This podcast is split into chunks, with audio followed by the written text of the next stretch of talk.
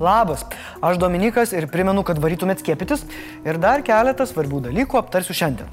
Kaip sekasi apgyvendinti šalies migrantus, sesės Lenkijos pagalba mums, kokios nuotaikos vyrauja Tokijuje prieš olimpinės žaidynės, na ir dujotekio Nord Stream 2 dramos atomasga. Finansų ministrė pažiūrėjo, kaip gyvena Varėnos rajono Videnių gyvenvietėje įsikūrę migrantai. Buvusioje pagrindinėje mokykloje jų gyvena apie pusantro šimto. Gintarė Skaistė nelegaliems keliautojams perdavė žinę. Lukašenkos kelionių tarnyboje nėra įskaičiuotos perteklinės e, komforto sąlygos ir kambarių su vaizdu į vandenyną Lietuvoje taip pat nebus. Jos teigimu Videniuose užtikrintos tikrai geros sąlygos.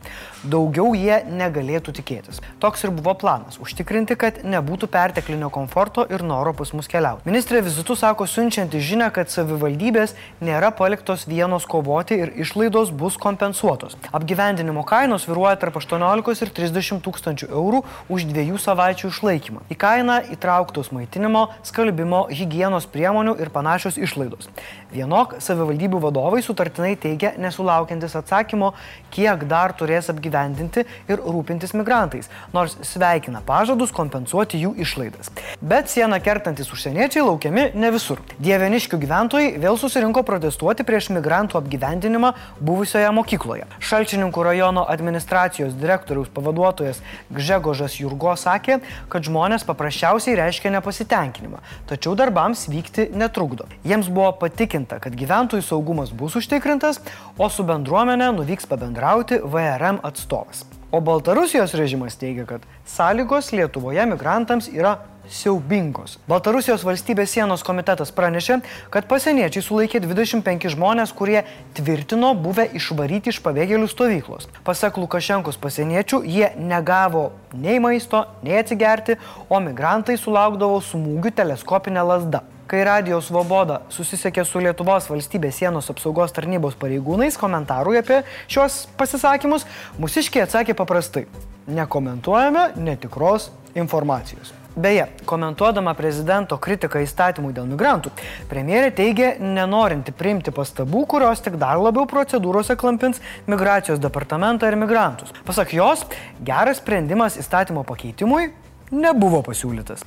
Tikimasi, jog bus iki rudens sesijos. Tad jeigu turite gerų pasiūlymų, tai rašykit Ingridai. Arba, git... nors ne, Gitanui nerašykit, nes nelaiškais problemos sprendžiamos. Į Lietuvą atgabenta Lenkijos humanitarinė pagalba. Tai skubus Lenkijos atsakas į mūsų prašymą dėl ES civilinės saugos mechanizmo dėl padidėjusios migracijos iš Baltarusijos. Siunta sudaro kelios dešimtis palapinių, 300 lovų, virš tūkstančio anklodžių, po šimtą pagalvių, taburečių spintelių, 10 stalų, 6 generatoriai ir 5 dizelinės šildymo sistemos palapinės. Taip labai detaliai. Lenkijos strateginių rezervų agentūros pagalbos vertė yra apie 160 tūkstančių eurų. Netrukus pasieks ir papildoma Lenkijos krašto apsaugos ministerijos pagalba.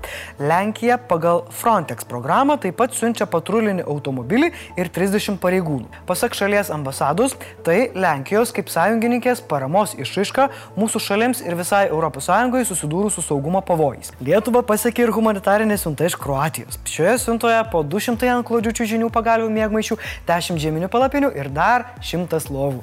Tai bus panaudota migrantų apgyvendinimui. Vidaus reikalų ministrė dėkoja šalims, kurios šioje situacijoje solidarizuojasi su Lietuva. Beje, praėjusiu metu pabaigoje mes skiriame pagalbą nuo žemės drebėjimo nukentėjusiai Kroatijai. Malonu, kad pagalba grįžta atgal. Esame gavę humanitarinę pagalbą ir iš Švedijos. Ne, ne mėsos kukuliais ir muzikos produceriais. Nors šiaip tai jeigu ABA atsiųstų būtų visai nieko. Dancing Queen, feel the heat on the tambourine. Nu, bet gal ne imigrantų miestelį, gal kokią miesto šventę, pavyzdžiui, Kedainius. Dėl pandemijos metus nukeltų 32 vasaros olimpinių žaidinių Tokijoje atidarimo ceremonija įvyks jau rytoj, hopefully. Greičiausiai pamatysime daug ferverkų. Taip bent jau žada tie, kurie akies krašteliu matė generalinę repeticiją. Japonijoje olimpinė ugnis bus įžiepta, nepaisant raginimų žaidinės nukelti dar kartą. Tokių olimpinių žaidynių pasaulis bus dar nematęs. Jos pirmą kartą vyks be žiūrovų tribūnose. Japonijoje vis dar galioja nepaprastoji padėtis. Tokijoje nustatytas didžiausias susirgymų skaičius nuo sausio. Žaidinių išvakarėse vakcinuota tik apie 20 procentų šalies gyventojų. Organizatoriai ėmėsi priemonių. Baruose ir restoranuose nebus pardavinėjamas alkoholis, kad žmonės liktų namuose. Nors kasmet pasitaiko protestuotojų, šį kartą jų labai daug. Tik kas penktas japonas nori žaidinių, 83 procentai baiminasi viruso protrukio. O koronavirusas yra grėsmė visiems. Olimpinės žaidynės lydi ir skandalai. Dieną prieš atidarimo ceremoniją atleistas jos režisierius Kentaro Kobayashi už seniai išsprūdusi juokelį apie holokaustą. Dar savaitės pradžioje iš pareigų pasitraukė ceremonijos kompozitorius, nes mokykloje tyčiojosi iš žmonių su negale. Kova pasitraukė kūrybos direktorius Hirošis Sasakis, šmaikštavęs, kad komikė Naomi Watanabe galėtų pasirodyti kaip olimpig. Olimpinė keulė. Taip jis pasakė. Vasarį Olimpinio komiteto vadovas Joširo Mori padėjo ant stalo pareiškimą, kai prikalbėjo seksistinių dalykų. Kalbant apie skandalus, Olimpinėse žaidynėse nepamatysime Rusijos atstovų. Tiksliau, jie varžysis po neutralią vėliavą. Čia po to, kai 2019 metais Rusija gavo keturių metų baną už valdžios organizuotą dopingo skandalą. Žaidynėse debituoja sportinis laipiojimas, banglenčių sportas, riedlentės, karate ir beisbolas. Bus ir virtuali olimpiada, kurioje kompiuterinių žaidimų atletai varžysis buriavimo, dviračių ir klavimo, lenktynių automobiliais ir beisbolo žaidimuose. Tai neoficiali rungtis, bet tai didžiulis žingsnis to link. Jūs turite šansą būti olimpiečiais.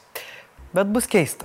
Jaudinsimės ne tiek dėl sportinių traumų, kiek dėl susirgymų virusų. Bet smarkiai sirkime už nedidelę mūsų olimpinę komandą, Nors jai prognozuojamas vos vienas medalis. Mm, ir tas ne aukso. Spėjama, kad Danas Rapšys iškovos sidabrą. Bet kaip sako rusai, į to chliep. Ai ne, palaukit, rusai sako, e, daite mne iš čia dopingą. Njam, njam, mm. O kaip jums atrodo? Ar Tokijo olimpinės žaidynės turėjo būti rengiamos šiais metais? O gal reikėtų viską uždrausti? Vokietija ir JAV pagaliau pasiekė susitarimą dėl skandalingojo dujotekio Nord Stream 2.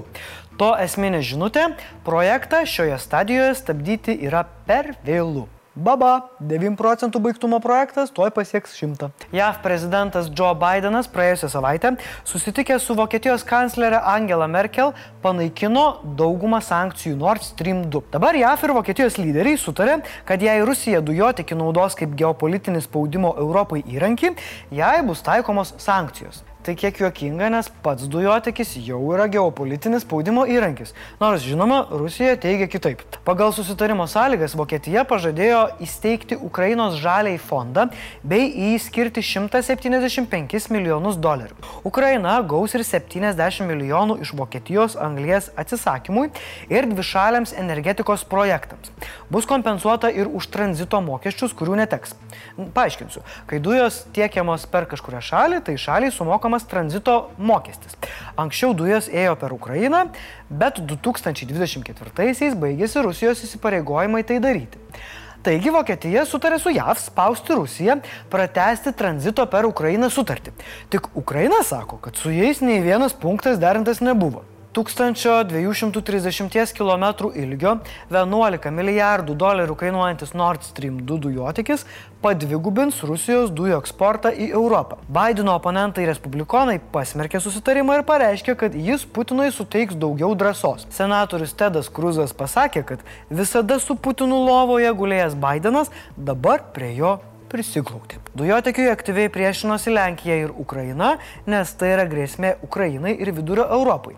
O ir mūsų užsienio reikalų ministras Gabrielius Landsbergis šį susitarimą pavadino klaida, tačiau tvirtino, jog vakarų šalis dar turi svertų išpešti Ukrainai naudos iš baigiamo projekto. Tiesa, pasak ekspertų, atsirandant vis daugiau alternatyvių energijos šaltinių, Rusijai darosi vis sunkiau Europą laikyti dujų įkaitais. Bet grinai hipotetiškai svarstant.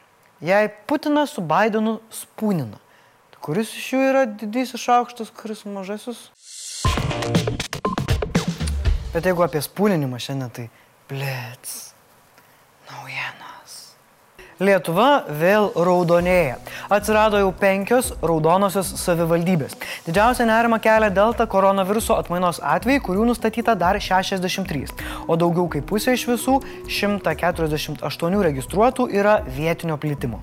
Paskelbti paskutinių brandos egzaminų istorijos, anglų, rusų, fizikos rezultatai. Geriausiai iš jų išlaikytas rusų kalbos. Vienas populiariausių anglų kalbos egzaminas išlaikytas praščiau nei pernai. Šimtukų 2,5 karto mažiau. Istorija laikė mažiau kandidatų nei pernai, išlaikė irgi kiek mažiau, o išlaikiusiųjų fiziką procentas didžiausias per trejus metus. Kinija pasmerkė Pasaulio sveikatos organizacijos pasiūlymą tikrinti šalies laboratorijas, toliau tyriant koronaviruso kilmę, augant spaudimui iš JAV ištirti Uhano virusologijos institutą. Pasak Kinų sveikatos apsaugos viceministro, tai demonstruoja nepagarbą ir aroganciją. Na tai kaip, reikėjo renkti šiemetas olimpinės žaidynės ar vėl reikėjo atidėti? Ką manot, rašot komentaruose, o aš labai apgailestauju, kad mūsų šalies kaimynai negali būti, pavyzdžiui, nu va tokie.